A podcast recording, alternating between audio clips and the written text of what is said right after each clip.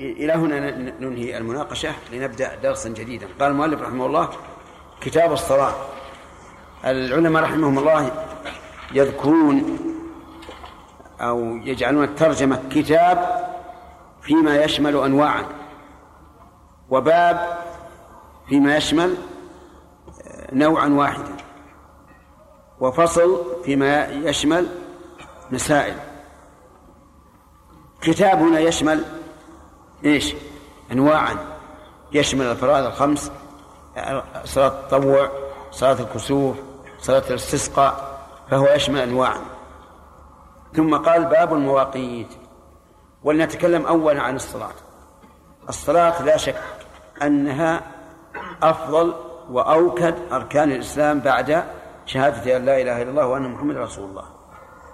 ويدل لفضلها أمور. أمور أولا أن الله تعالى فرضها على النبي صلى الله عليه وسلم بدون واسطة. ولا نعلم شيئا فرض على الرسول صلى الله عليه وسلم بلا واسطة إلا الصلوات. لا نعلم. ثانيا أن الله فرضها في أعلى مكان وصل إليه البشر. والرسول صلى الله عليه وسلم كان في السماوات السبع. في السابع في السماء السابعة ثالثا أنه فرضها على رسوله صلى الله عليه وسلم في أفضل ليلة له وهو ليلة المعراج. فصارت فنالت شرف المكان وشرف الزمان. رابعا أن أن الله فرضها خمسين صلاة. وهذا يدل على محبته لها تبارك وتعالى وأنه يحب من عباده أن يكونوا دائما في صلاة لأننا لو صلينا خمسين صلاة لاستوعبت كثيرا من الوقت. وهذا يدل على محبة الله لها وعنايته بها. رابعا أنه لا شيء من أعمال الإسلام تركه كفر إلا الصلاة. كما كما ذكر ذلك عبد الله بن شقيق رحمه الله. قال كان أصحاب النبي صلى الله عليه وسلم لا لا يرون شيئا من الأعمال تركه كفر إلا الصلاة. خامسا سادسا أنها فرضت كل يوم كل يوم. والفرائض سوى التوحيد والرسالة لا تكون كل يوم. الصوم سنوي والحج عمري والزكاة سنوية. وهذا أيضا يدل على محبة الله لها وعنايته بها سبحانه وتعالى. سابعا أنه لا يوجد عبادة يكون الإنسان فيها مناجيا لله إلا الصلاة. الصلاة مناجاة بينك وبين ربك. تقول الحمد لله رب العالمين فيقول الله حمدني عبدي إلى آخر ما, ما تعلمون. وهذا يدل على فضيلتها. آه، نكرر نستمر؟ نعم. آه، أنها بدون العدد أخاف أني أنسى. منها أيضا أن الصلاة لا تسقط بأي حال من الأحوال. لا تسقط بأي حال من الأحوال حتى لو فات بعض الشروط. لو فرضنا أن رجلا لا يستطيع أن يتوضأ ولا أن يتجنب النجاسة ولا أن يتجه إلى القبلة وجاء وقت الصلاة يجب أن يصلي. على أي حال كان. ومنها أنه لا يشرع الاجتماع إلا فيها وفي الحج. أما الصوم فالناس مجتمعون ضرورة أن الشهر واحد. والزكاة كل يؤدي زكاته في, في وقتها. ونكتفي بهذا القدر. باب المواقيت. المواقيت جمع ميقات من الوقت وهو الزمن. يعني باب الأزمنة التي حدد النبي حدد الشرع إيقاع الصلاة فيها. وقد دل على اعتبار المواقيت قول الله تبارك وتعالى إن الصلاة كانت على المؤمنين كتابا موقوتا. فبين أنها فرض وأن هذا الفرض موقوت. أي محدد بوقت معين لأنها لو جاءت في وقت واحد لكان فيها شيء من المشقة. إذ أن الإنسان سيصلي سبع عشرة ركعة في آن واحد. ولو جاءت في آن واحد في وقت واحد لكان يحصل غفلة من الإنسان في بقية الوقت. لأن إذا قدرنا أنه سينتهي من من سبع من سبع عشرة ركعة سينتهي في ساعة ونصف مثلا. يبقى بقية الزمن ليس بينه وبين ربه صلة. فكان من الحكمة أن جعل الله تعالى لها مواقيت. هذه المواقيت كل واحد منها مقيد بتغير بتغير الشمس. الفجر الظهر العصر المغرب العشاء كلها مرتبطة بتغير الأفق حسب جريان الشمس وسنشرح إن شاء الله تعالى. المواقيت هي أوكد شروط الصلاة ولذلك يجب مراعاتها وإن فاتت بعض الشروط أو الأركان أو الواجبات. حتى لو فرض الإنسان ما يعرف الفاتحة ولا يستطيع أن يقوم ولكنه يستطيع أن يقوم بعد الوقت. يعني إنسان يصاب مثلا بعلة آفة تأتيه في زمن معين من, من اليوم والليلة وهو وتأتيه في وقت الفجر مثلا لا يستطيع أن يقوم ويقعد ويسجد ويركع. نقول صلي على إيش؟ حسب حاله. لا تقل إني أؤخر إلى طلوع الشمس وأستطيع أن أركع وأسجد وأقوم وأقعد نقول صلي على حسب حالك ليس عنده ماء يتطهر به من الحدث ويطهر به ثوبه وبدنه من النجاسة نقول صل على حسب حالك. تتيمم إن استطعت وإلا فصل على حسب الحال. لا يستطيع استقبال القبلة يصلي على حسب الحال. المهم أن الوقت هو أوكد شروط الصلاة. وتجب مراعاته وإن تخلفت بعض الشروط قال عن عبد الله بن عمرو رضي الله عنهما أن النبي صلى الله عليه وسلم قال وقت الظهر إذا زالت الشمس. هذا وقت الظهر إذا زالت الشمس. زالت أي مالت إلى جهة الغرب. وذلك أن الشمس تطلع من الأفق الشرقي حتى تغرب في الأفق الغربي. إذا انتصبت بينهما فهذا هو الزوال. علامته في الظل أن أن ترقب الظل الظل. فكلما ارتفعت الشمس يا جماعة كلما ارتفعت الشمس ينقص الظل. فإذا بدأ يزيد فهذا هو الزوال. إذا بدأ يزيد هذا هو الزوال. واعلم أنه لابد أن يكون في الشمال بالنسبة لأرضنا لابد أن يكون في الشمال ظل يطول في الشتاء ويقصر في الصيف. هذا الظل لا تحتسبه لا يحتسب. الذي يحتسب من حين يبدأ الظل في الزيادة. إذا بدأ في الزيادة ولو شعرة فقد زالت الشمس. قال وكان ظل الرجل كطوله.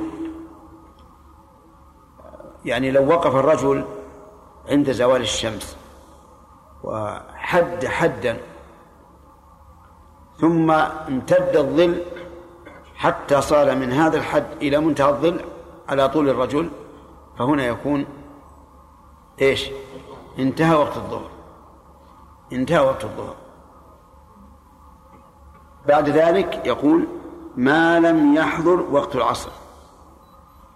يعني إلى أن يحضر وقت العصر. أي أنه يدخل يحضر وقت العصر من حين خروج وقت الظهر. إلى متى؟ يقول وقت العصر ما لم تصفر الشمس. يعني ما لم تكن صفراء. يعني من المعلوم أن الشمس بيضاء لا تحيط لا, لا تدركها العين. فإذا قربت من من الغروب صارت صفراء. إذا اصفرت خرج وقت الظهر آه، وقت العصر. لكن قد دلت السنة في حديث آخر أن من أدرك ركعة من العصر قبل أن تغرب الشمس فقد أدرك العصر. وعلى هذا يكون للعصر وقتان وقت اختيار إلى متى يا عبد الله أفغاني إيش؟ إلى أن تصفر الشمس ووقت ضرورة إلى أن تغرب الشمس. ووقت صلاة المغرب ما لم يغرب الشفق من أين؟ من غروب الشمس. على اسمه. المغرب يعني الذي يحل عند غروب الشمس. وقته ما لم يغب الشفق. والمراد بالشفق هنا الشفق الأحمر. وهو الخط المعترض الذي يتبع الشمس. يكون أحمر. ما دام أحمر فوقت المغرب باقي. وإذا اضمحل اضمحلت الحمرة ولو بقي البياض فقد خرج وقت المغرب ودخل وقت العشاء. قال ووقت العشاء إلى نصف الليل. من أين؟ من مغيب الشفق. لأن لأن النبي صلى الله عليه وسلم لما لم يذكر الابتداء علم أن هذا مبني على ما سبق على انتهاء الصلاة التي قبلها. إلى نصف الليل الأوسط. قولها الأوسط هنا صفة كاشفة ما هي مقيدة؟ لأن نصف الليل هو وسط. إلى نصف الليل الأوسط ووقت صلاة الصبح قال من طلوع الفجر ما لم تطلع الشمس. قال من طلوع. ولم يقل وقت الفجر ما لم تطلع. وذلك لأن بين وقت العشاء ووقت الفجر مدة ليست وقتا لا للعشاء ولا للفجر. هذه الأوقات. الأوقات إذن خمسة.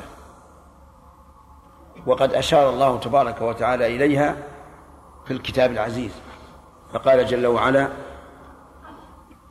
أقم الصلاة لدلوك الشمس إلى غسق الليل. جعل الله تعالى ذلك وقتا واحدا. دلوك الشمس يعني زوالها إلى غسق الليل أي ظلمته. ومن المعلوم أن الله عز وجل لم يرد ابتداء الظلمة بل انتهاء الظلمة. بل انتهاء الظلمة وانتهاء الظلمة يكون عند منتصف الليل لأن هذا أبعد ما تكون الشمس عن عن الأرض. إلى ثم قال وقرآن الفجر. ففصل. قال وقرآن الفجر.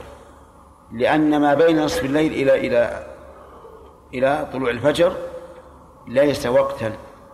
هذا هو الذي يدل عليه القرآن وتدل عليه السنة كما سمعت من حديث عبد الله بن عمرو. وأما قول بعض العلماء إن العشاء لها وقتان وقت ضرورة وقت اختيار. وأن وقت الاختيار إلى نصف الليل ووقت الضرورة إلى طلوع الفجر فلا دليل عليه. وينبني على هذا الخلاف لو أن امرأة حائضا طهرت بعد منتصف الليل فإنها على القول الراجح لا تجب عليها صلاة العشاء لأنه خرج وقته وعلى القول بأنه يمتد إلى طلوع الفجر تلزمها. ثم إذا لزمتها صلاة العشاء. فهل تلزمها صلاة المغرب؟ في خلاف. والصواب أنها لا تلزمها. يعني الصواب أن المرأة إذا طهرت في الصلاة في آخر في وقت الصلاة الثانية لم تلزمها الصلاة التي قبلها. إذ لا دليل على هذا. طيب نعود مرة ثانية نقول الأوقات هذه دل عليها القرآن إجمالا والسنة تفصيلا.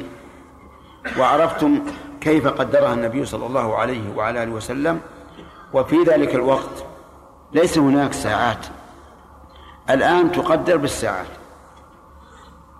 فمثلا من طلوع الفجر إلى إلى طلوع الشمس الغالب أنه تسعون دقيقة. هذا الغالب وقد يزيد وقد ينقص. ومن ومن غروب الشمس إلى مغرب الشفق كذلك الغالب أنه تسعون دقيقة وقد يزيد وقد ينقص. ولكن ليس ليست الزيادة والنقص في صلاة الفجر تابعة للزيادة والنقص في, في صلاة المغرب. يقول شيخ الإسلام رحمه الله من ظن أن حصتيهما واحدة فقد أخطأ. خطأ بينا. لأنه يختلف قد تطول الحصة ما بين طلوع الفجر إلى طلوع الشمس وتنقص ما بين غروب الشمس إلى مغيب الشفق. وقد تتساويان وقد يزيد هذا على هذا. بالنسبة للظهر والعصر بعض الناس يقول إنك تقسم ما بين الزوال إلى الغروب نصفين وتضيف إليه آه، نعم بالساعات وتضيف إليه ثلث ساعة وحينئذ يدخل وقت العصر. لكني تتبعته كثيرا وجدته لا ينضبط في الواقع. لا ينضبط لأن الشمس يختلف سيرها باعتبار الصيف والشتاء. لكن الآن درست هذه من جهة الفلكيين دراسة كبيرة وبينوها والحمد لله في في التقاويم التقاويم مبينة. لكن التقويم في الفجر متقدم. بعضهم يقول متقدم بربع ساعة وبعضهم يقول متقدم عشر دقائق وبعضهم يقول خمس دقائق. وبعضهم إبالغة مبالغة كبيرة في في تقدمه لكن الظاهر لي أن خمس دقائق مؤكدة أن التقويم الموجود الآن في طلوع الفجر متقدم خمس دقائق. فليراعى هذا. ولا يبادر الإنسان من حين أن ينظر إلى التقويم فيصلي عليه.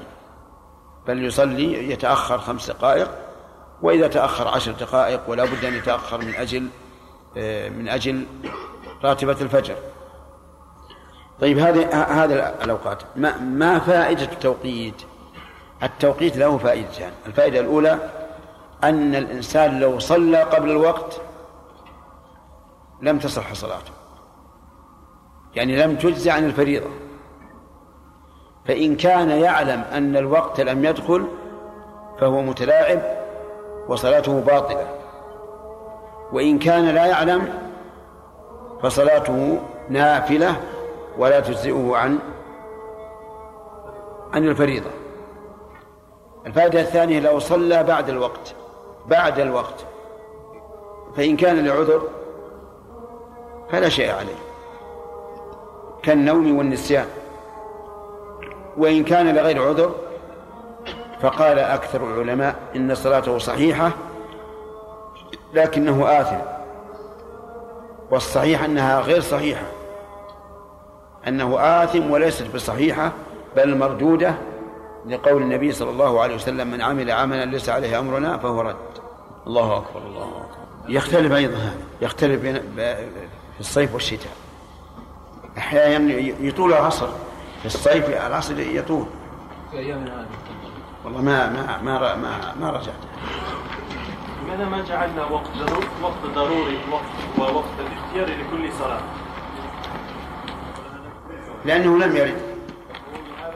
أبا مجرد هذا إذا خرج هذا دخل هذا. والآية تشير إلى هذا. أقيم الصلاة لدلوك الشمس إلى غسق الليل. نعم. قراءة الفجر بعد الأذان. على قول التقويم متقدم اي نعم لا وهو الآن عندنا الحمد لله في بلادنا في عنيزة يتأخرون يتأخرون خمس دقائق أو أكثر الفريق لا الأذان يتأخرون في الأذان نعم في ناس الجامع زين لكن في ناس كثير لا لا, لا أنا أسمع أسمع وين وين غرب ولا شرق؟ الصفوة اللي وراء إيه عجيب اللي حولنا هذا نسمعهم يتأخرون نعم بالنسبة لغياب الشمس ما معناه؟ هل معنى بس الحياة عن البلد أو لأن بعض الأماكن التي فيها الجبال الطويلة إيه. قد تكون الشمس من ورائها ولا يدرى هل هي غا- غابت أو هي يعني لا المراد ما هو احتجابها بال- بالجبال. لو قلنا هذا لكان الواحد يدخل الحجرة بعد الظهر ويفطر. لا يقدرون. يبين لك الليل. الليل يتبين من الشر. إي قد بان. الليل يبين والشمس ما غربت. قرصها ما غرب. هذا إذا لكن إذا غربت الشمس فالخط الأسود يم- يمتد من الشمال إلى الجنوب. إذا غربت هذه علامة. نعم. قلنا التقويم خمس دقائق زيادة بالنسبة للفجر صلاة الفجر. هل التوقيت التوقيت. التوقيت أي. قصد التوقيت. نعم. اللي يبغى يصوم هل إذا سمع أذان الأول هل له أن يأكل ويشرب؟ إذا كان يؤذن على التقويم نعم له خمس دقائق. نعم. ما معنى الواو في قوله وكان ظل الرجل مطلوبا الواو. عاطفة. إذا زالت الشمس وكان. هل يستقيم المعنى؟ نعم. المعنى. أي يستقيم. تكون عاطفة على ما قبلها. عاطفة على ما قبله إذا كان وإذا وإذا إذا زالت وإذا كان. يعني حتى يكون. وآله وصحبه أجمعين. آه، سبق لنا أن الصلاة لها مزية على غيرها من العبادات. منها يا جمعة منها افضل العبادات بعد الشهادتين. نعم. ومنها؟ هذه ما هي- ما هي بلا ذاك في المزية لأن ن- نستطيع أن نقول الزكاة لها مزية لأنها أفضل الأركان بعد الصلاة. نعم. منها أنها فرضت في السماوات. أنها فرضت في السماوات. يعني في أعلى مكان يصل إليه البشر. تمام. نعم. وأنها فرضت في ليله في خير ليلة وهي ليلة الاسراء في أفضل ليلة مرت بالرسول صلى الله عليه وسلم وهي ليلة المعراج. هذا ما يظهر لنا ويبدو لنا والله أعلم. نعم. في ركن من الأركان يكفر بتركه الا صلاه نعم. أنها تختص بأن تركها كفر بخلاف غيرها. طيب. ثم جعل ثوابها ثواب خمسين صلاة. خمسين صلاة. كذا؟ انتبهوا لهذه النقطة. جعلت ثوابها خمسين صلاة بالفعل. يعني مو على أساس أن الحسنة بعشر أمثالها لا. نقول هي خمسين كأننا صلينا خمسين مرة. وعليه كم يكون ثوابها على حساب الحسنة بعشر أمثالها خمسمائة. إي نعم. وهذا جاء صريحا في البخاري وغيره أنها خمسون بال- بالفعل لكنها في الميزان آه خمس في الفعل لكنها خمسون في الميزان. نعم صالح. إيش؟ وجوبها في كل يوم به بخلاف الأركان سوى الشهادتين فإنها بعضها سنوي وبعضها عمري. ما هو العمري صالح الحج. وما هو السنوي؟ نعم. وغيره. والصيام. نعم. إيش؟ نعم. أن النبي صلى الله عليه وسلم تلقاها من عند الله بدو- بدون واسطة. إيش؟ أنها لا تسقط بأي حال من الأحوال. هذا هو القول الراجح. أنها لا تسقط بأي حال من الأحوال. واختار الشيخ الإسلام رحمه الله أنه إذا لم يستطع الإيماء فإنها تسقط. حتى أنه رحمه الله لا يرى أن الإنسان يصلي بعينه كما قال الفقهاء. لكن الراجح خلاف هذا. لأن الصلاة تشتمل على أعمال قلبية وأعمال بدنية ظاهرة. فإذا عجز عن البدنية الظاهرة لزم إيش؟ العمل الباطني القلبي. فالصواب أنها لا تسقط. ما دام العقل ثابتا فهي غير ساقطة. نعم. آدم؟ نعم. أنه لا توجد عبادة فيها مناجاة بين الإنسان وبين ربه إلا الصلاة. نعم. نعم. أنه يشرع لها اجتماع. فإذا قال قائل والحج في اجتماع. فما الجواب؟ لا لا. هذه الخصيصة. إنه اجتماع وفيه أفعال متفقه في نفس هذا الاجتماع. يعني هو اجتماع وانفراد واجتماع في مكان وفي زمان لكن كل واحد إيش؟ بنفس الفعل يفعله. نعم يفعل يفعل العبادة بنفسه. ما ليس له إمام مثلا ما ما شرع للناس إمام إمام يقتدون به.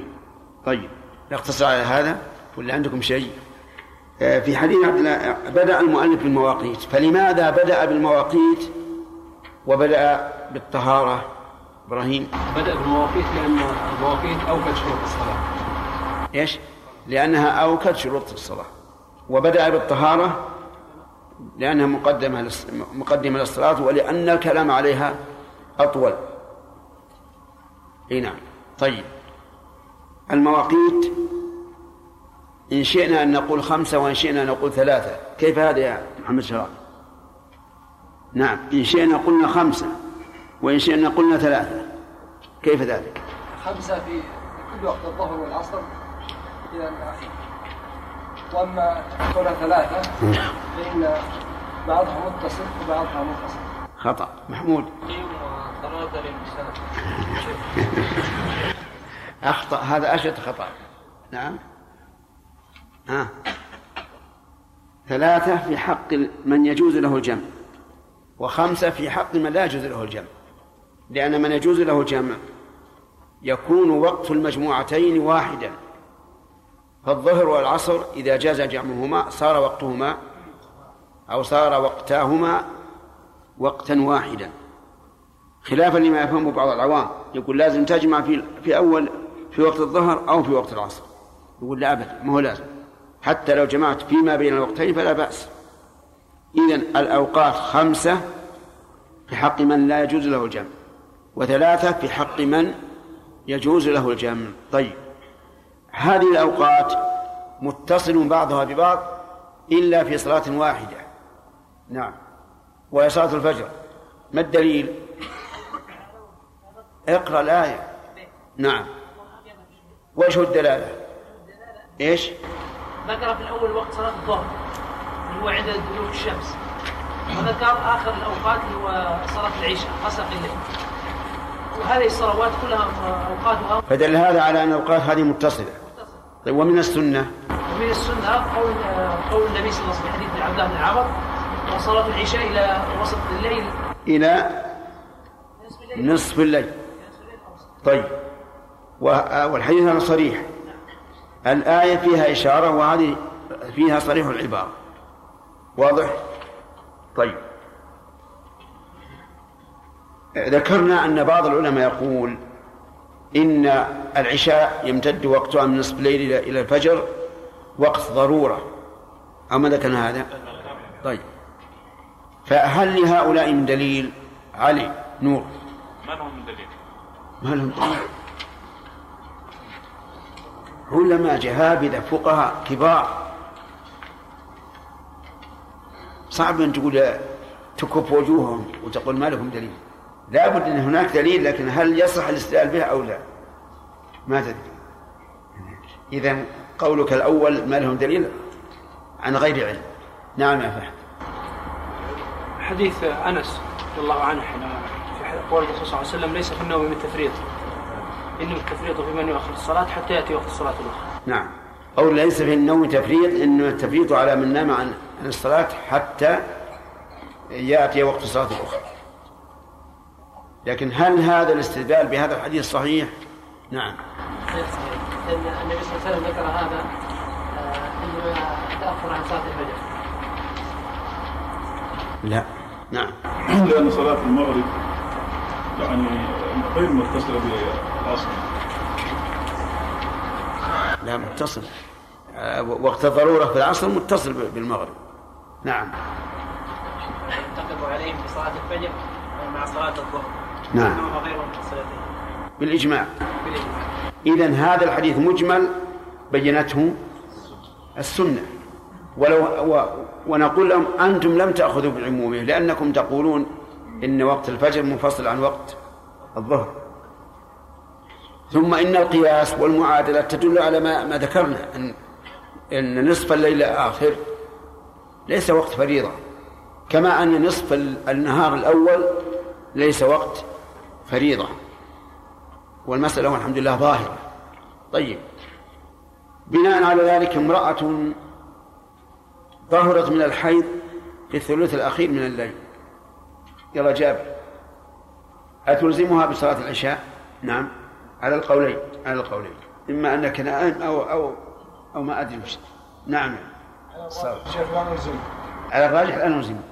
لماذا؟ لأنه لم يعد وقت العشاء لأن وقت العشاء قد خرج نعم. لأنه خرج وقت العشاء قبل طهرها وعلى القول الثاني؟ وعلى القول الثاني الذي يقول بالاتصال نعم. على القول الثاني نقول يلزمها صلاة صلاة يلزمها صلاة العشاء لأنها لأنها طهرت في الوقت. في أيضا على هذا هل تلزمها صلاة المغرب أو لا؟ فيها خلاف. بعض العلماء يقول تلزمها وبعضهم يقول لا تلزمها والصواب أنها لا تلزمها. قال النبي صلى الله عليه وسلم وقت الظهر إذا زالت الشمس. ما معنى زوال الشمس؟ لا بأس أن نناقش بدقة في هذا الموضوع لأنه مهم. زوال الشمس لأنها تميل إلى جهة الغرب. نعم. يعني تميل إلى إلى جهة الغرب. تنتقل من الجهة الش- الشرقية إلى الجهة الغربية. طيب ما علامة ذلك؟ علامة ذلك؟ نعم أن أن أن يكون ظل الرجل أن يكون للرجل ليس له ظل ثم يميل الظل ما يحصل هذا الكلام. في الشتاء لابد يكون له ظل يزداد وش علامته علامة الزوال؟ بدء زيادة الظل. بدء زيادة الظل. طيب. آه، بالنسبة للساعة هذه علامة ظاهرة من الشمس. بالنسبة للساعة. نعم.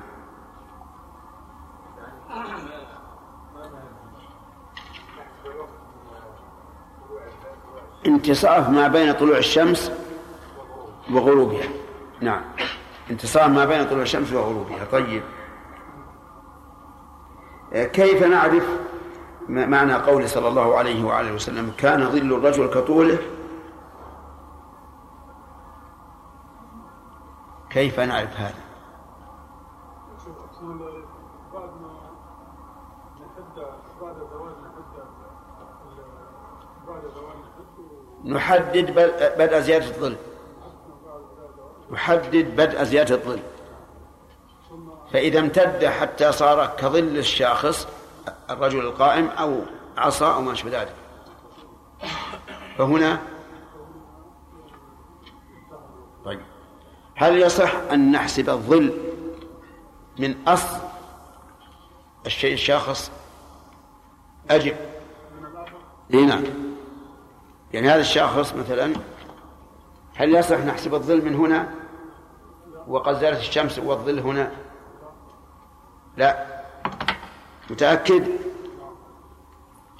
ما تقولون؟ كلام صحيح؟ نعم. لا نحسب الظل الذي الذي زالت عليه الشمس. هذا ملغى. نحسب الظل من ابتداء زيادة الظل. إلى أن يصير ظل الرجل كطول. طيب. ما هو انتهاء وقت صلاة العصر؟ إلى أن تصفر الشمس. ومعنى تصفر تكون صفراء. طيب هل يلزم من اصفرارها أن أن يصفر ضوءها؟ نعم. يلزم. يعني إذا اصفر القرص لازم يصفر الضوء. متأكد؟ اثبت. إيه؟ لماذا توقفت بالأول؟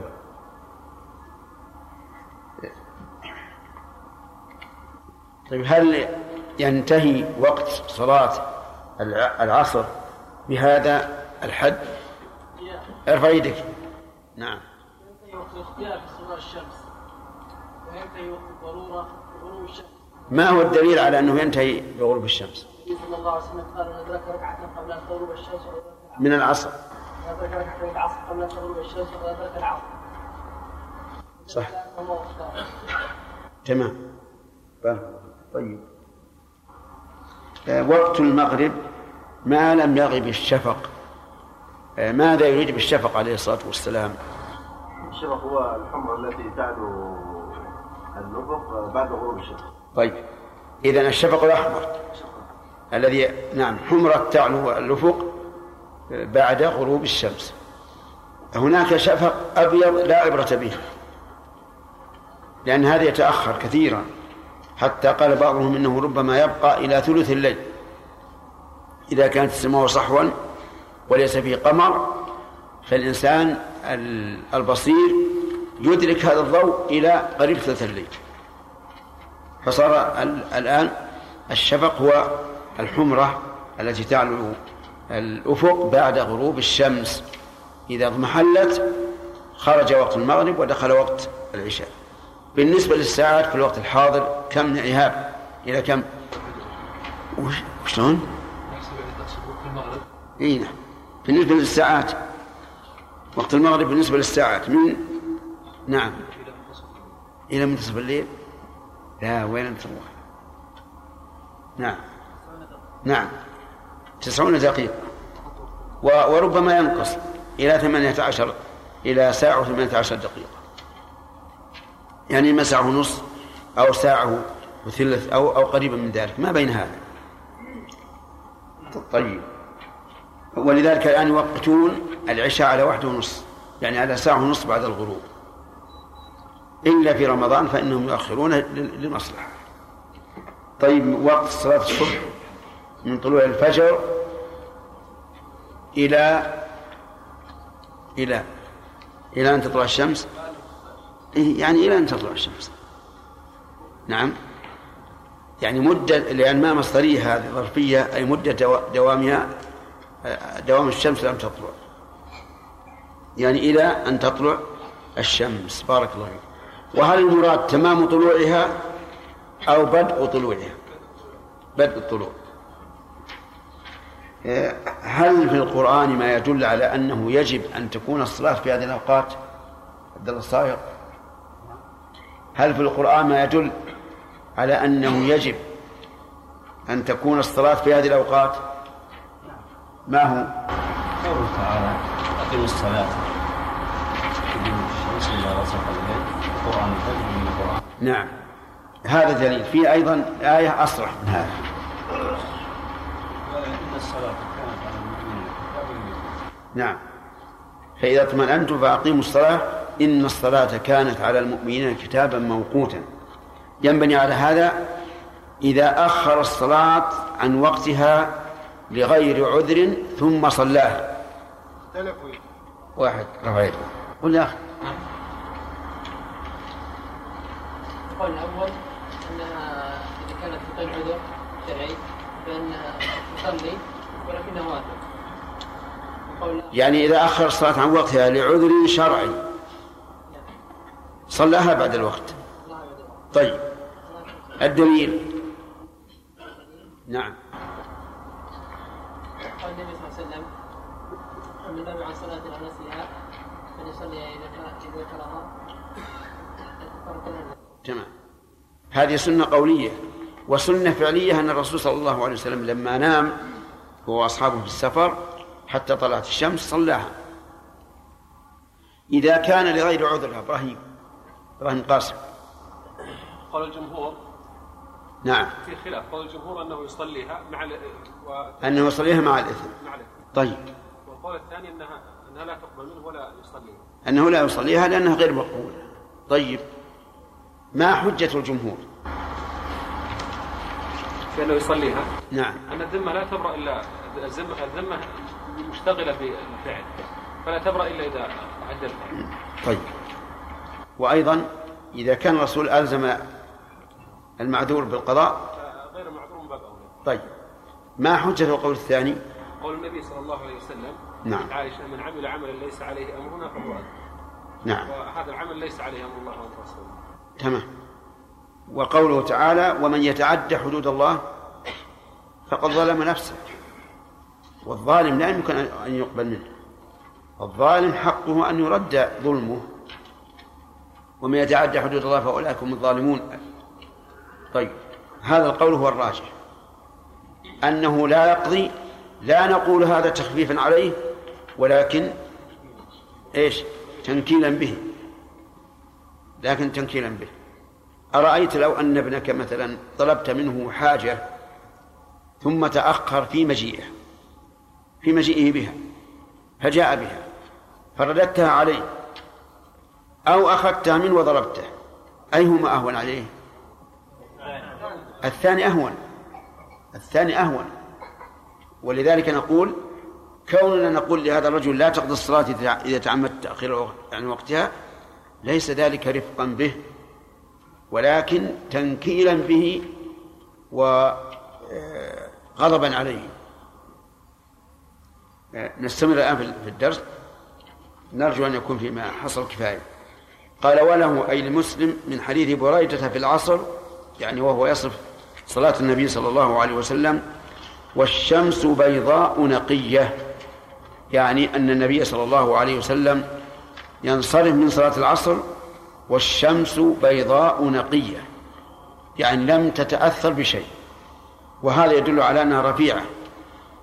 فيستفاد منه أنه ينبغي المبادرة بصلاة العصر حتى ينصرف منها وهي بيضاء نقية. وله من حديث نعم ومن حديث أبي موسى والشمس مرتفعة. ولا فرق بين الحديثين في المعنى لكن الأول ذكرها بالوصف ذكر الشمس بالوصف والثاني ذكرها بالمكان. الثاني ماذا قال؟ مرتفعة. وإذا قال بيضة نقية. وعن أبي برزة الأسلمي رضي الله عنه قال كان رسول الله صلى الله عليه وسلم يصلي العصر ثم يرجع أحدنا إلى رحله في أقصى المدينة والشمس حية. هذا حية يعني ليس فيها تأثر فهو بمعنى نقية وبمعنى مرتفعة مما يدل على أنه صلى الله عليه وسلم يبادر بها. وكان يستحب أن يؤخر من من العشاء. كان أي النبي صلى الله عليه وسلم إيش؟ ما أخذنا طيب نأخذ إن شاء الله. وكان يستحب أن يؤخر من من العشاء. كان أي النبي صلى الله عليه وعلى آله وسلم يستحب محبة دينية. لا محبة نفسية لا محبة دينية. أن يؤخر من العشاء ولكنه عليه الصلاة والسلام كان يراعي الناس. إذا رآهم اجتمعوا إيش؟ عجل. وإذا رآهم أبطأوا أخر. وهكذا ينبغي للإمام أن يراعي المأمومين كما سيأتي إن شاء الله في الفوائد. و وكان يكره النوم قبلها أي قبل العشاء. لأن الإنسان إذا نام فإما أن يكون نومه عميقا فلا يقوم إلى العشاء. وإما أن لا يتعمق في النوم فيتنكد إذا قيل له قم للصلاة ويتفرق عليه نومه ولا يطمئن فيه. ثم إذا قام فسوف يقوم وهو كسلان. لا لا لا يعي ما يقول في صلاته. فلذلك كان النبي صلى الله عليه وسلم يكره النوم قبلها. وهل هذه الكراهة كراهة شرعية أو كراهة نفسية يحتمل أن تكون هذه أو هذه. لكن إذا رأينا إلى العلل ترجح عندنا أنها كراهة شرعية. ولهذا قال العلماء رحمهم الله يكره النوم قبل صلاة العشاء. ولكن قد يكون الإنسان مرهقا في يومه. وإذا نام ولو ساعة بين المغرب والعشاء صار نشيطا. فهذا نقول إن النوم هنا لا يكره لأنه نوم يراد, يراد به التقوي على العبادة والإقبال عليه عليها بنشاط. وهذا يقع دائما. كثير من الناس يكون مرهقا جدا جدا. ولو قام يصلي لم يستفد. الفائدة المرجوة. فينام لمدة ساعة أو نصف ساعة حتى يزول عنه التعب. فنقول هذا النوم الآن مطلوب. لماذا؟ لأنه يقوي على العبادة. حتى يقبل الإنسان على على صلاته وهو يعرف ماذا يقول. ولهذا أمر النبي عليه الصلاة والسلام الإنسان إذا قام يصلي وأتاه النوم أن يرقد وأن لا يمضي في نومه مكرها نفسه على ذلك. لو أن لا يمضي في صلاته مكرها نفسه على ذلك. وكان يكره الحديث بعدها. لماذا؟ لأسباب صحية وأسباب شرعية. أما الأسباب الصحية فقد اتفق الأطباء. قديما وحديثا على أن نوم أول الليل أفضل وأصح للبدن من نوم آخره. وهذا شيء يعرفه الناس حينما كانوا ينامون من أول الليل. ثانيا أن فيه إعانة على أن يقوم الإنسان للتهجد. لأنه إذا نام من من أول الليل بعد صلاة العشاء قام للتهجد نشيطا. وثالثا أنه إذا تأخر في النوم حرم التهجد وإن قام قام على كسل وربما يحرم صلاة الفجر. لهذا كان النبي صلى الله عليه وسلم يكره أن الحديث بعد العشاء. لكن وردت أحاديث تدل على أن الرسول عليه الصلاة والسلام ربما تحدث بعد العشاء. فيقال في الجواب عن هذه الأحاديث إن الأمر فيها سهل؟ الجواب عنها سهل. وهو أنه إذا اقتضت المصلحة أو الحاجة أن يتحدث فلا بأس. ولهذا قال العلماء رحمهم الله إلا الحديث اليسير أو الحديث للشغل أو الحديث مع الأهل. فهذا لا بأس به. وأما أن يبقى دائما يتحدث بعد العشاء ولا سيما في أحاديث إما لغو إما أن تكون لغوا وإما أن تكون حراما ومعصية فهذا لا لا ينبغي. بل بل إذا كان معصية صار حراما. وكان ينفتل من صلاة الغداة حين يعرف الرجل جليسه. الله ينفتل يعني ينتهي منها. وصلاة الغداة هي الفجر. حين يعرف الرجل جليسه يعني من يجالسه. وهذه التقديرات كما تعلمون حدا حدا بهم إليها أنه لا توجد ساعات ولا توجد آه، سرج في المساجد فكانوا يقيدون هذا أو يقدرون هذا بما سمعتم ولا شك أن هذا على سبيل التقريب لأن معرفة الرجل جليسه تختلف بماذا؟ بقوة البصر وصفاء الجو وعدم السقف وغير ذلك من الأسباب. لكن الصحابة رضي الله عنهم أمرهم كله بسيط. ما في تعمق. يذكرون أشياء على سبيل التقريب. ومع ذلك كان يقرأ بالستين إلى المئة. ستين آية إلى مئة آية. ومعلوم أن القراءة تختلف والآيات تختلف أيضا. القراءة تختلف لأن بعض الناس من يقرأ إدراجا ومن الناس من يقرأ ترتيلا. أليس كذلك؟ وربما يكون بين قراءتيهما للجزء الواحد عشر دقائق. وأيضا الآيات تختلف. فمن آيات الرحمن علم القرآن قصيرة. آيات المرسلات قصيرة. آيات اقتربت الساعة قصيرة. آيات البقرة طويلة. فبأي شيء نعتبر؟ نقول إذا جاءت مثل هذه الأشياء فإن نعتبر الوسط. وكذلك نعتبر في أداء القراءة من؟ الوسط. لا الذي يسرع ولا الذي يبطئ. ويأتي إن شاء الله بقية يتكلم على فوائده نعم. شيخ بارك الله فيكم. أي سورة من الآن نعتبرها وسط؟ وسط في إيش؟ ما تستطيع. ما تستطيع. حتى السورة الواحدة تجد تختلف في واحد.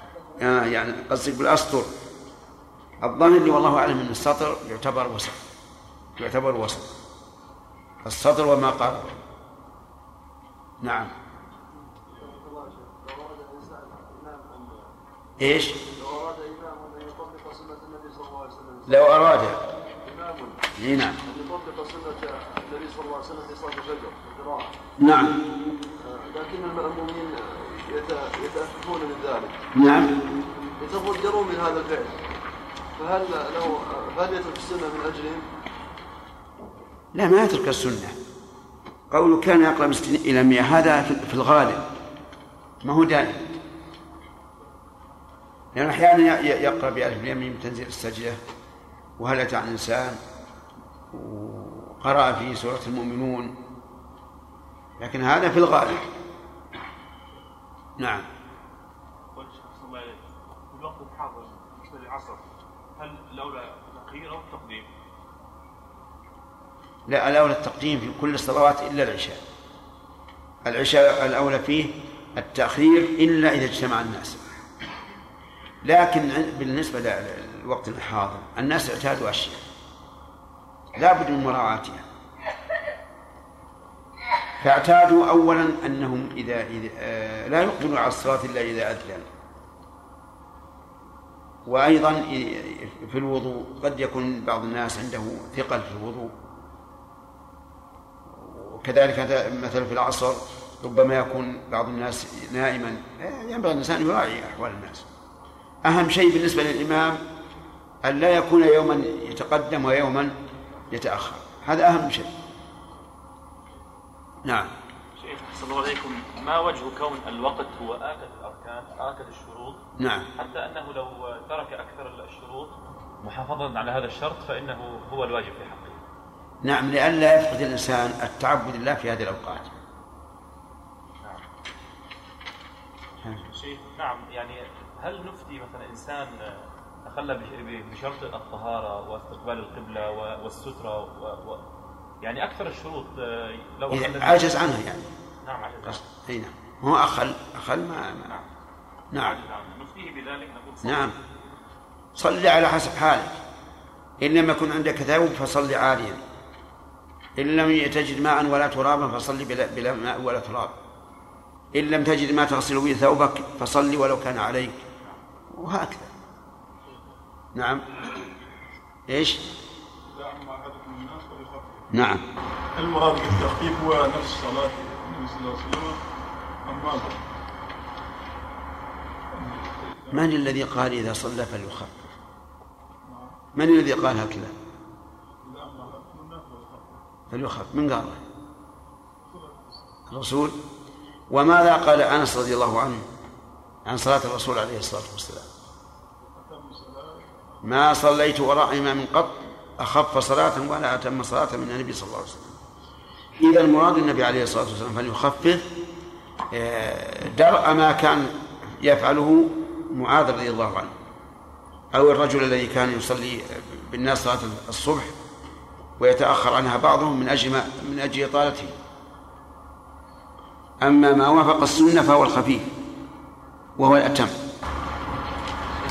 كان الإمام إذا قرأ من آية إلى المئة ينفر المصلين هل يقرأها بحذر أو يقرأ أقل من هو يقرأ بالستين إلى المئة مو لازم. لأن الآن فرق بين ستين ومئة كم كم الفرق بينهم؟ يعني أربعين في المئة. أربعين في المئة فرق كبير يعني. مو لازم تقرأ المئة. إذا أن يقرأ الستين إي نعم. لا ستين ما حد ينفر منه. أبدا إلا عدد الكسالى مرة.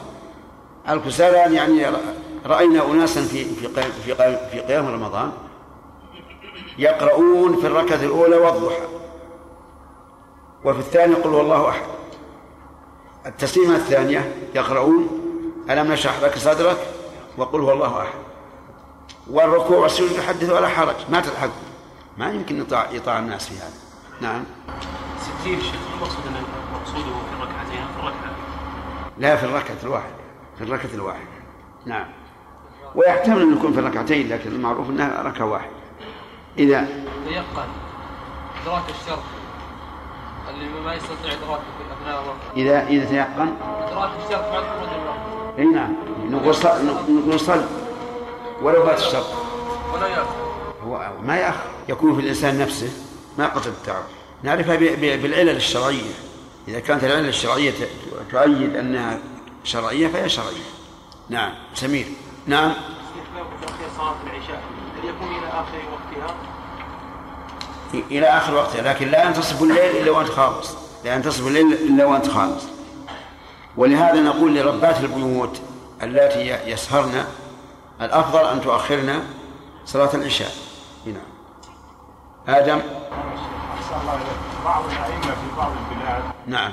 يداومون على بعض الصور. يعني في صلاة المغرب دائما سورة ال- الخضر وقل هو الله.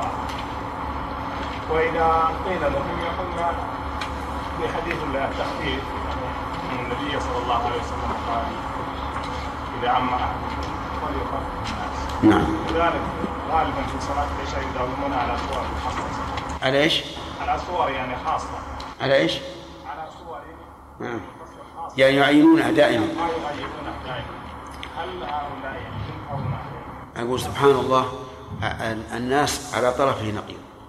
يوجد من الأئمة ما لا يق... من لا يقرأ السور القصار أبدا ولا يقرأ المفصل. دائما يقرأ من أوساط الس- السور أو من أواخرها وبعضهم أيضا يجعل قراءة الصلاة هي قراءته الخاصة. يبدأ من أول البقرة إلى آخر القرآن. نعم. وهذا هؤلاء على على طرف نقيض. وابن القيم رحمه الله يقول ليس من هدي النبي صلى الله عليه وسلم أنه يقرأ من أوساط السور أو أواخرها بل كان يقرأ السورة كاملة وإذا تأملت وجدت أن الحكمة ظاهرة في أن الإنسان يقتصر على على المفصل. في الغالب لأنه إذا تكرر المفصل على أسماء الناس إيش؟ حفظوه. وصار في هذا فائدة عظيمة. لكن مرة يأتي لهم من البقرة ومرة من النساء ومرة من من المائدة وما أشبه ذلك ما يضبطون. وتضيع عليهم هذه الفائدة. ثم إن أيضا بعض الناس إذا مثلا بسوء بآية من البقرة إذا صار الإنسان عنده الشغل يقعد يفكر متى ينتهي هذا الرجل؟ يمكن يقرأ من سيقول سفهاء من الناس إلى فانصرنا على القوم الكافرين.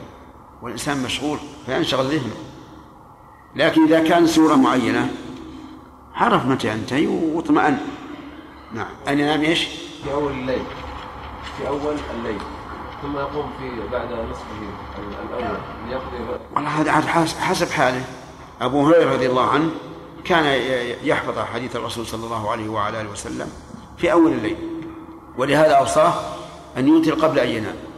وبعض الناس يقول لا أنام أول الليل أقوم في آخر الليل أذاكر إن هذا أصفى للذهن وأقرب إلى الحفظ. فلا عاد أدري كل حسب ذوقه. لكن الاشتغال بالعلم لا يضر. بناء على إجماع الأطباء لأن نوم أول الليل أصح إي نعم. ما يرجح كون الإنسان يأخذ دراسته إلى ما بعد النصف الأول أخشى ي- ي- إلى نام ما قام. مشكلة. انتهى الوقت يا أخي. محمد وعلى آله وصحبه أجمعين. ذكرتم أننا لم نذكر فوائد الأحاديث السابقة. نعم. فلنذكرها إن شاء الله ونسأل الله المعونة. حديث عبد الله بن عمر رضي الله عنه. أن النبي صلى الله عليه وسلم قال وقت الظهر إلى آخره. فيه فوائد. منها أن السنة تأتي مفصلة للقرآن.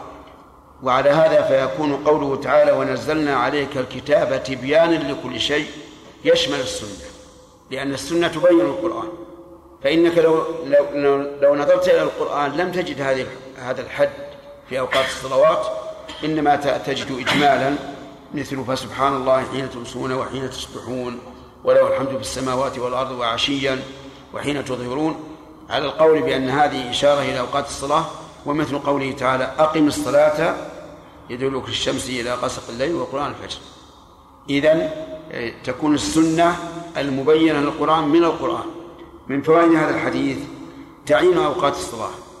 على حسب ما جاء في هذا الحديث وأن وقت الظهر من الزوال إلى أن يصير ظل كل شيء مثله زائدا عن في إيش؟ عن في الزوال. لأن في الزوال الذي زالت عليه الشمس لا يحسب. ومن فوائده أنه ليس بين وقت الظهر والعصر زمن. لقوله وقت الظهر نعم. إذا زالت الشمس ما لم يحضر وقت العصر. ومن فوائد هذا الحديث أن وقت العصر يدخل بانتهاء وقت الظهر مباشرة وينتهي باصفرار الشمس. لقوله ما لم تصفر الشمس. ومن فوائد هذا الحديث أن وقت المغرب ليس كما يتوهمه كثير من الناس ضيقا بل يمتد من غروب الشمس إلى مغيب الشفق وبذلك يدخل وقت العشاء. ومن فوائد هذا الحديث أن وقت العشاء إلى نصف الليل. ونصف الليل داخل أو خارج؟ نصف الليل خارج. على القاعدة المشهورة أن ابتداء الغاية داخل وانتهاؤها خارج. من فوائد هذا الحديث أيضا أن وقت الصبح من طلوع الفجر ما لم تطلع الشمس. وهذا تفصيل جلي واضح.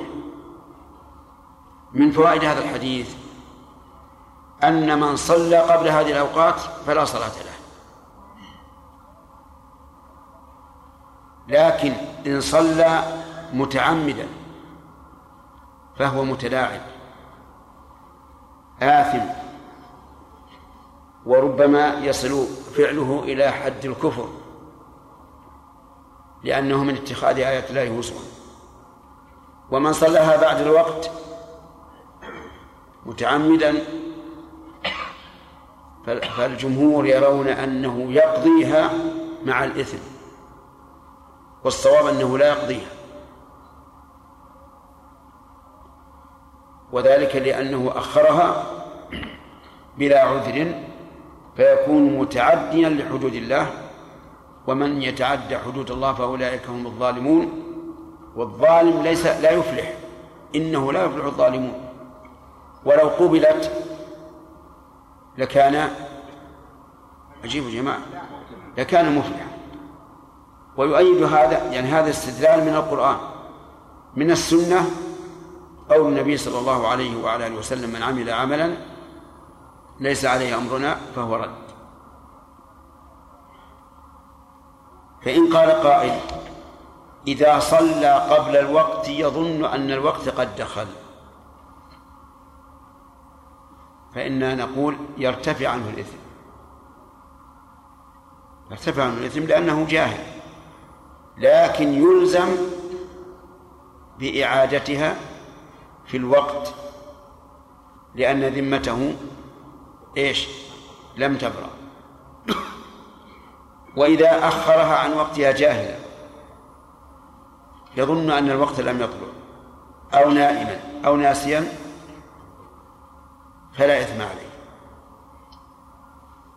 وهل تجزئه؟ نعم تجزئه. ودليله من السنة قول النبي صلى الله عليه وسلم من نام عن صلاة أو نسيها فليصليها إذا ذكرها. فإن قال قائل هل يجوز أن يصلي الصلاة مع الشك في دخول وقتها؟ فالجواب لا. لأن الأصل عدم دخوله. فإن قيل مع الظن قلنا نعم. يجوز أن يصلي مع مع غلبة الظن على في دخول وقتها. ودليل ذلك قول النبي صلى الله عليه وسلم في من أشكل عليه عدد الركعات قال فليتحرى الصواب ثم ثم ليبني عليه.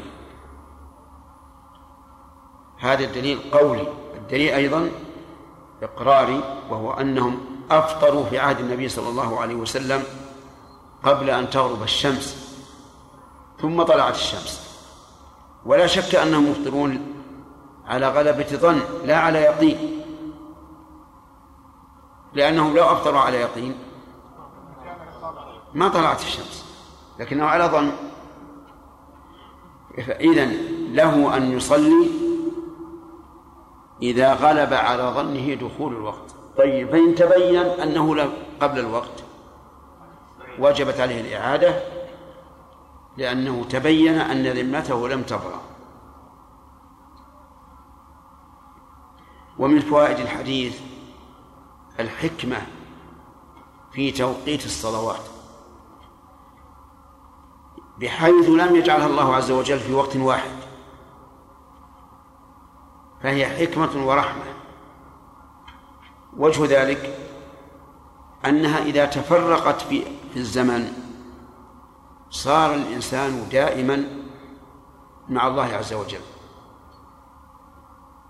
لا يغفل.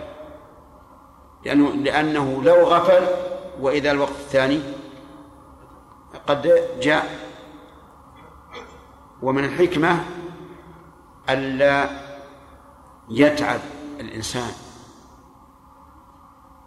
ألا يتعب الإنسان لأنه لو أمرنا أن نقوم بسبع عشرة ركعة في آن واحد لكان في ذلك تعب ومشقة لا سيما إذا كان الإنسان قد ضعفت قواه لتعب أو ملل أو ما أشبه ذلك. ومنها قوة الصلة بالله عز وجل من حكمة في توزيع الأوقات قوة الصلة بالله. لأن كثرة التردد توجب إيش؟ قوة الصلة.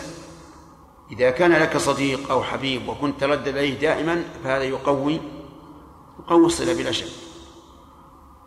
ولها حكم أخرى تظهر للمتأمل. في الحديث اللي بعده من فوائده أن النبي صلى الله عليه وسلم يبادر بصلاة العصر. وكذلك في الحديث الثاني الذي بعده والشمس مرتفعة دليل على أنه يبادر بصلاة العصر.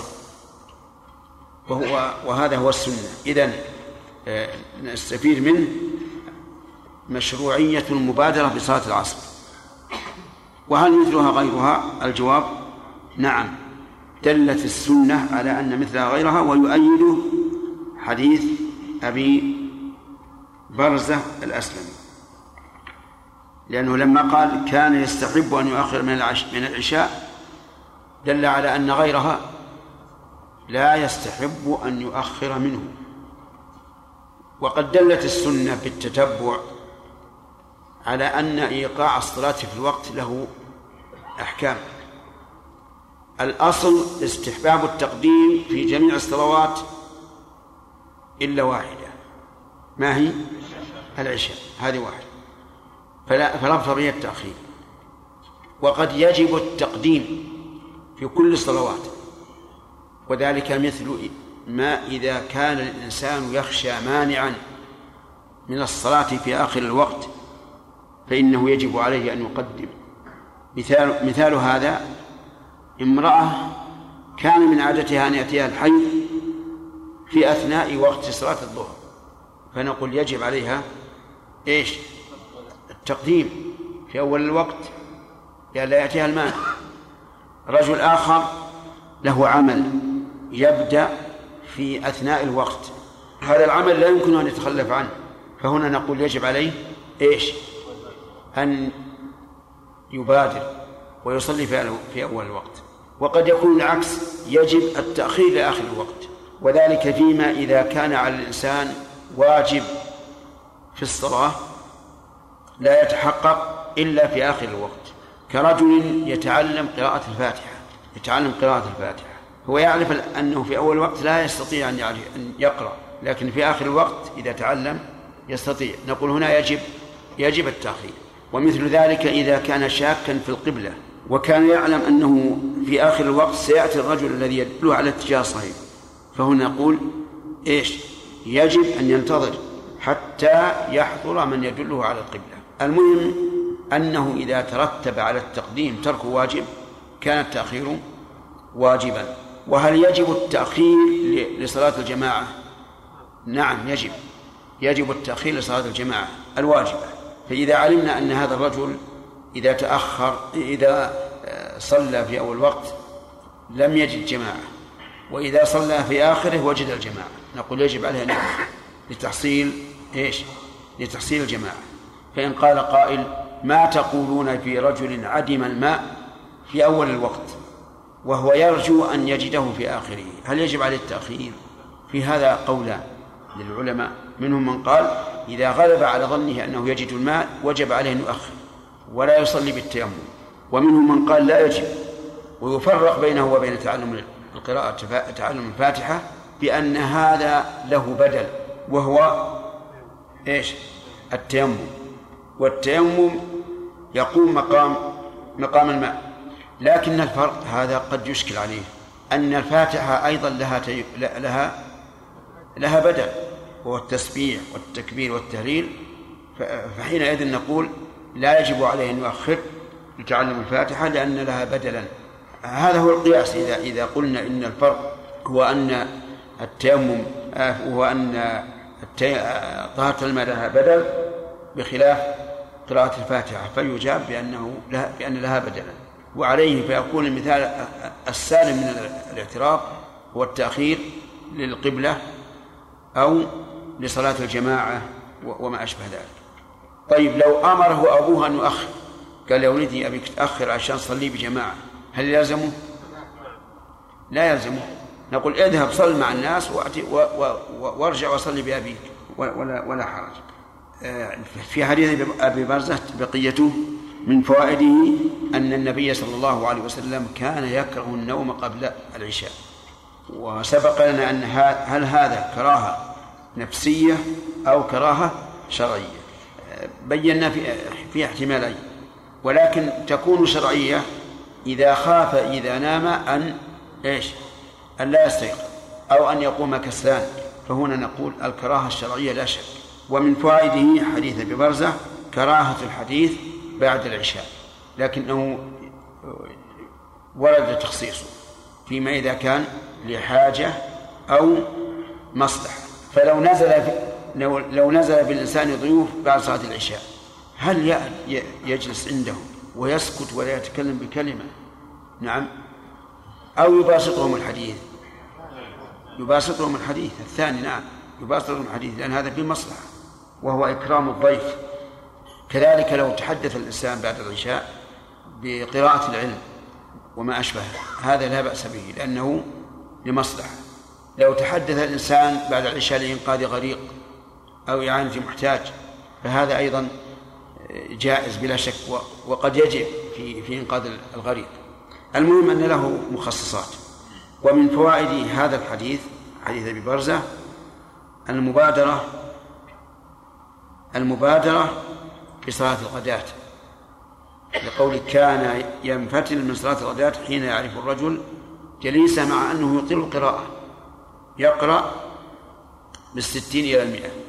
ومن فوائده إطالة القراءة في صلاة الفجر. إطالة القراءة في صلاة الفجر ل... و... ولذلك عبر الله عن صلاة الفجر بالقرآن. فقال أقم الصلاة لدلوك الشمس إلى غسق الليل وقرآن الفجر إن قرآن الفجر كان مشهودا ولذلك لم تقصر صلاة الفجر لأنها تطول تطول فيها القراءة كما قالت عائشة رضي الله عنها. ثم قال في الدرس الجديد وعندهما يعني عند البخاري ومسلم من حديث جابر والعشاء أحيانا وأحيانا. يعني ويصلي العشاء أحيانا يعجلها وأحيانا يؤخرها أحيانا يقدمها وأحيانا يؤخرها. كيف هذا التفصيل؟ يقول إذا رآهم اجتمعوا عجل وإذا رآهم أبطأوا أخر. اجتمعوا الفاعل هم الجماعة الذين يحضرون المسجد. عجل أي قدمها في أول وقت مراعاة لهم.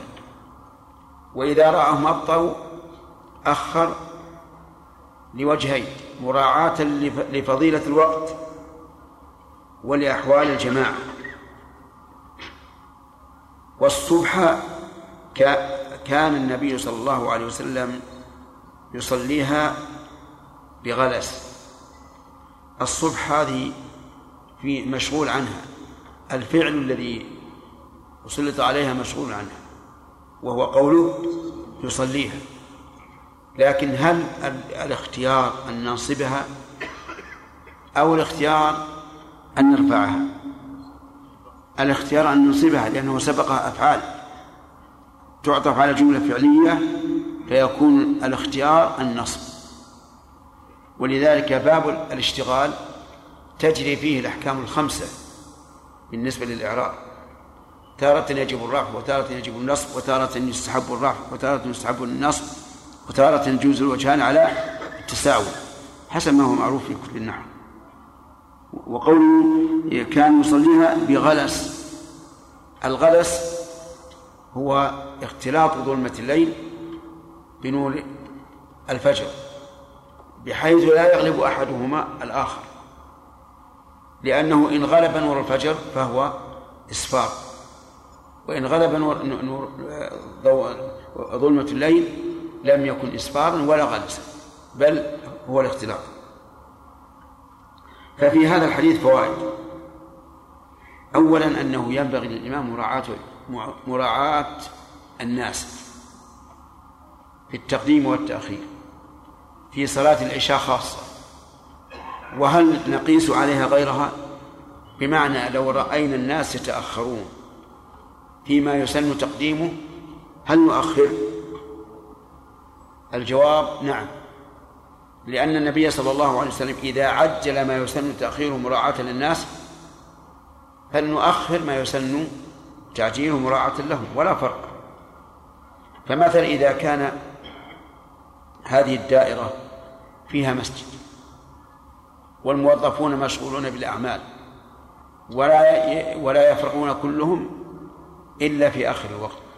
فهل نقول إن الأفضل هنا التأخير من أجل مراعاة اجتماعهم؟ الجواب نعم إذا كان هذا هو الأرفق بهم.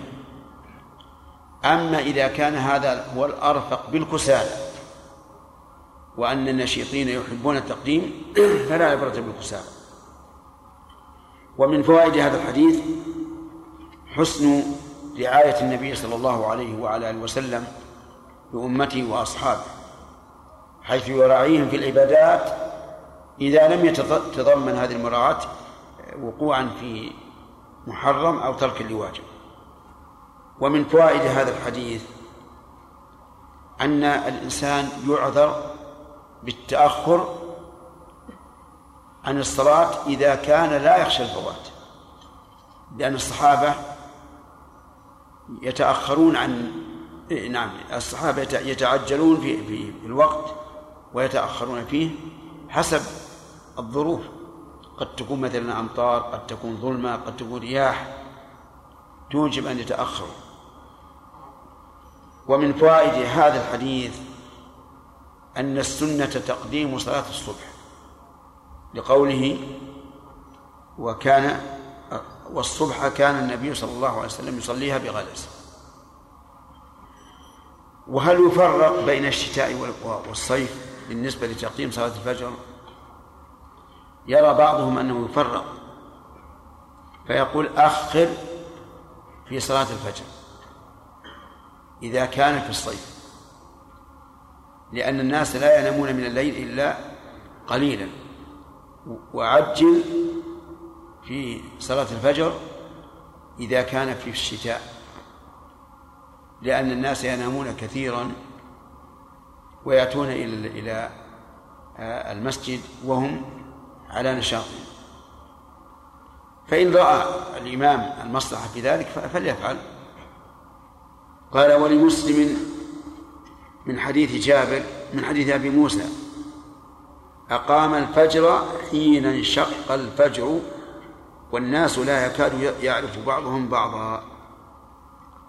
أقام الفجر أي صلاة الفجر. ومعنى والمراد بالإقامة هنا الفعل وليس الذكر المعروف. قلنا ذلك لنحمل أقام على معناها الحقيقي. وقد يراد بقوله أقام أي أمر من يقيم وحينئذ فيراد بالإقامة. إيش؟ الذكر المخصوص. وقول حين انشق الفجر. جعل ذلك انشقاقا. لأن الفجر إذا سطع على الظلمة فكأنما شقها. لأنها تتمايز الظلمة في مكان النور. فيكون هذا انشقاقا. ولا يحدث ذلك إلا في في الفجر الصادق. الفجر الصادق هو الذي يشق الظلمة لأنه يمتد من الشمال إلى الجنوب ولا ويتصل بالأفق ولا ظلمة بعده. هذا هو الفجر الصادق. فيه الفجر الكاذب ويختلف عن الفجر الصادق بثلاثة أمور. أولا أن الفجر الكاذب مستطيل يعني يشق يصعد في السماء طولا. والثاني أنه لا يتصل بالأفق لأن ما بينه وبين الأفق ظلمة. والثالث أنه يضمحل ويزول. أما الصادق فكما عرفتم في الأول لا يتأتى في هذه الأشياء الثلاثة وقوله والناس لا يكاد يعرف بعضهم بعضا أي لا يقرب آه، بعضهم نعم لا تقرب معرفة بعضهم بعضا. وذلك لشدة الظلمة وعدم الإضاءة بالسرج ويأتي شراب الفوائد نعم. ما بعد جاء. إذا إذا إذا كنت في بلدة في مكان نعم. أهله يداومون على صلاة الفجر أو يصلون الفجر دائما بإسفار ويصلون العصر إذا كان ظل الشيء إذا إذا صار ظل الشيء مثليه. دائما. نعم. أما أما الأول فصلي معه. الأول فصلي معه لأنهم يصلون قبل دخول قبل خروج الوقت. وأما الثاني فلا تصلي معه. لأنهم لا يصلون إلا إذا خرج وقت الاختيار. ولذلك هذه المسألة ما يتأتى فيها الاحتياط لأنك إن احتطت لقول الجمهور فصلاتك باطلة عند هؤلاء الذين يقولون إن وقتها لا يدخل إلا إذا صار ظل كل شيء مثله وإن احتطت عند هؤلاء لم تكن محتاطا عند عجيب يا جماعة عند الجمهور. المشكلة الآن إن قدمت قبل أن يكون ظل كل شيء مثليه قال لك الآخرون صلاتك باطلة. وإن أخرت قال الآخرون صلاتك باطلة محرمة. هذه جزء الصلاة في غلبة الظن دخول الوقت قلنا العامة تدون نعم. شيخ أليس يعني الأصل بقاء بقاء ما كان على ما كان لما دخول الوقت لماذا لا نقول نؤخر حتى يحتاج. جميع العبادات يكفي بها غلبة الله. هذا عندك قاعدة؟ وهذه المسألة بالنسبة للوقت حتى المذهب. الذين يرون لابد من اليقين في مسألة الصلوات آه، في مسألة الشك في عدد الصلوات الركعات حتى هذه يصلي مع غلبة الله. وهو. ها؟ لا هذاك هذاك وجود مانع أو في وجود, مفسد. حديث ابي هريره اذا في من شك في الحدث؟ هذا شاك في وجود مفسد. والأصل بقاء العبادة. نعم. طيب شيخ صلى الله عليه ذكرنا ان لفظة الصبح معطوفة على كلمة فعلية. كأنها على اسمية. نعم. يقال والعشاء. أحيانا قد أحيانا أخرى. اي نعم. أصلا المؤلف اختصر الحديث صاحب البلوغ اختصر الحديث هذه أحاديث لو جاء بها م- كاملة صارت طويلة. فهي كان يصلي كذا وكذا. نعم يا فهد. الله إذا دار الأمر ما بين أن يراعي يراعي الوقت أو يراعي الطهارة كمن كانت عليه. أو يراعي إيش؟ طهارة. طواف؟ طهارة. نعم. كمن كانت عليه جنابة. نعم. إن اغتسل خرج الوقت. نعم. كيف شيخ يعني نقول أو قدمنا مراعاة الوقت مع أكدية الطهارة؟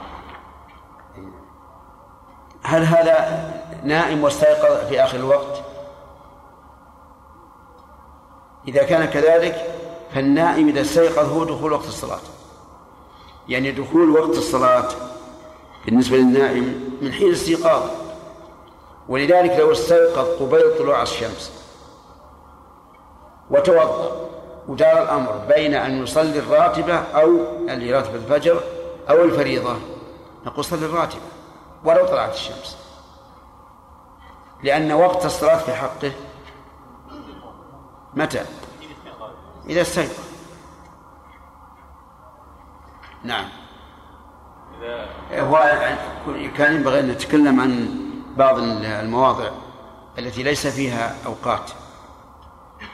يعني في بعض المواضع الآن النهار عندهم ستة أشهر وأربعة أشهر وإن شاء الله نتكلم عنها في الدرس القادم. نعم. غلب على ظني ان أن الوقت قد دخل ولم يكن ولم يكن دخل. نعم. صلى الظهر فبعد الركعتين الأولين دخل الوقت. فتبين بعد الصلاة أنه يعني صلى ركعتين خارج الوقت وركعتين داخل اي نعم. صلى ركعتين قبل الوقت. فلا فليكملها نفلا بعد الصلاة هل يعيد الصلاة أو يا ما قلت لك يكملها نفلا. لأنه لا لأنه لابد أن تقع جميع الصلاة من همزة الله أكبر في تكبيرة الإحرام إلى ورحمة الله في السلام. لابد أن يقع هذا كله في الوقت. هو الآن نواها فرضا. يعني نواها فرضا. وصلى ركعتين قبل الوقت. الآن وش صلى ركعتين دولي نفل نفل إذا نكملها نفل مشكلة ما علم إلا بعد الوقت إلا بعد الصلاة. ما يخالف. ما علم إلا إلا بعد الصلاة. تكون نفلة. أيضا. لأن هذا الذي صلى صلى الظهر جمع في نيته بين شيئين. بين صلاة وظهر. الظهر علم انتفاعه فبقي نية الصلاة. ولهذا خذ هذا الضابط من الفقهاء. وينقلب نفلا ما بان عدمه. يعني كل شيء يبين عدمه ينقلب نفل كإنسان صلى فائتة يحسب عليه فائتة ولا ولا صار عليه فائتة. وصلى فريضة قبل وقت وتبين أنها قبل الوقت. نعم. أي نعم بالنسبة للذين شيخ يقولون ان بين العصر وبين الظهر والعصر وقت مشترك. نعم. يستدلون بحديث صلاة جبريل عليه السلام بالنبي صلى الله عليه وسلم وأنه صلى في في اليوم الأول الظهر في أول وقتها وفي اليوم الثاني صلى به في الوقت الذي صلى به العصر. نعم. فيقولون هذا أجاب عنه بجوابين الجواب الأول أنه يحتمل التأويل والجواب الثاني أنه لا يقابل حديث عبد الله بن عمرو وأشباهه من حيث الصحة. فهذه هذه الحديث أقوى منه. نعم. التأويل يعني يحملون على الابتداء والانتهاء.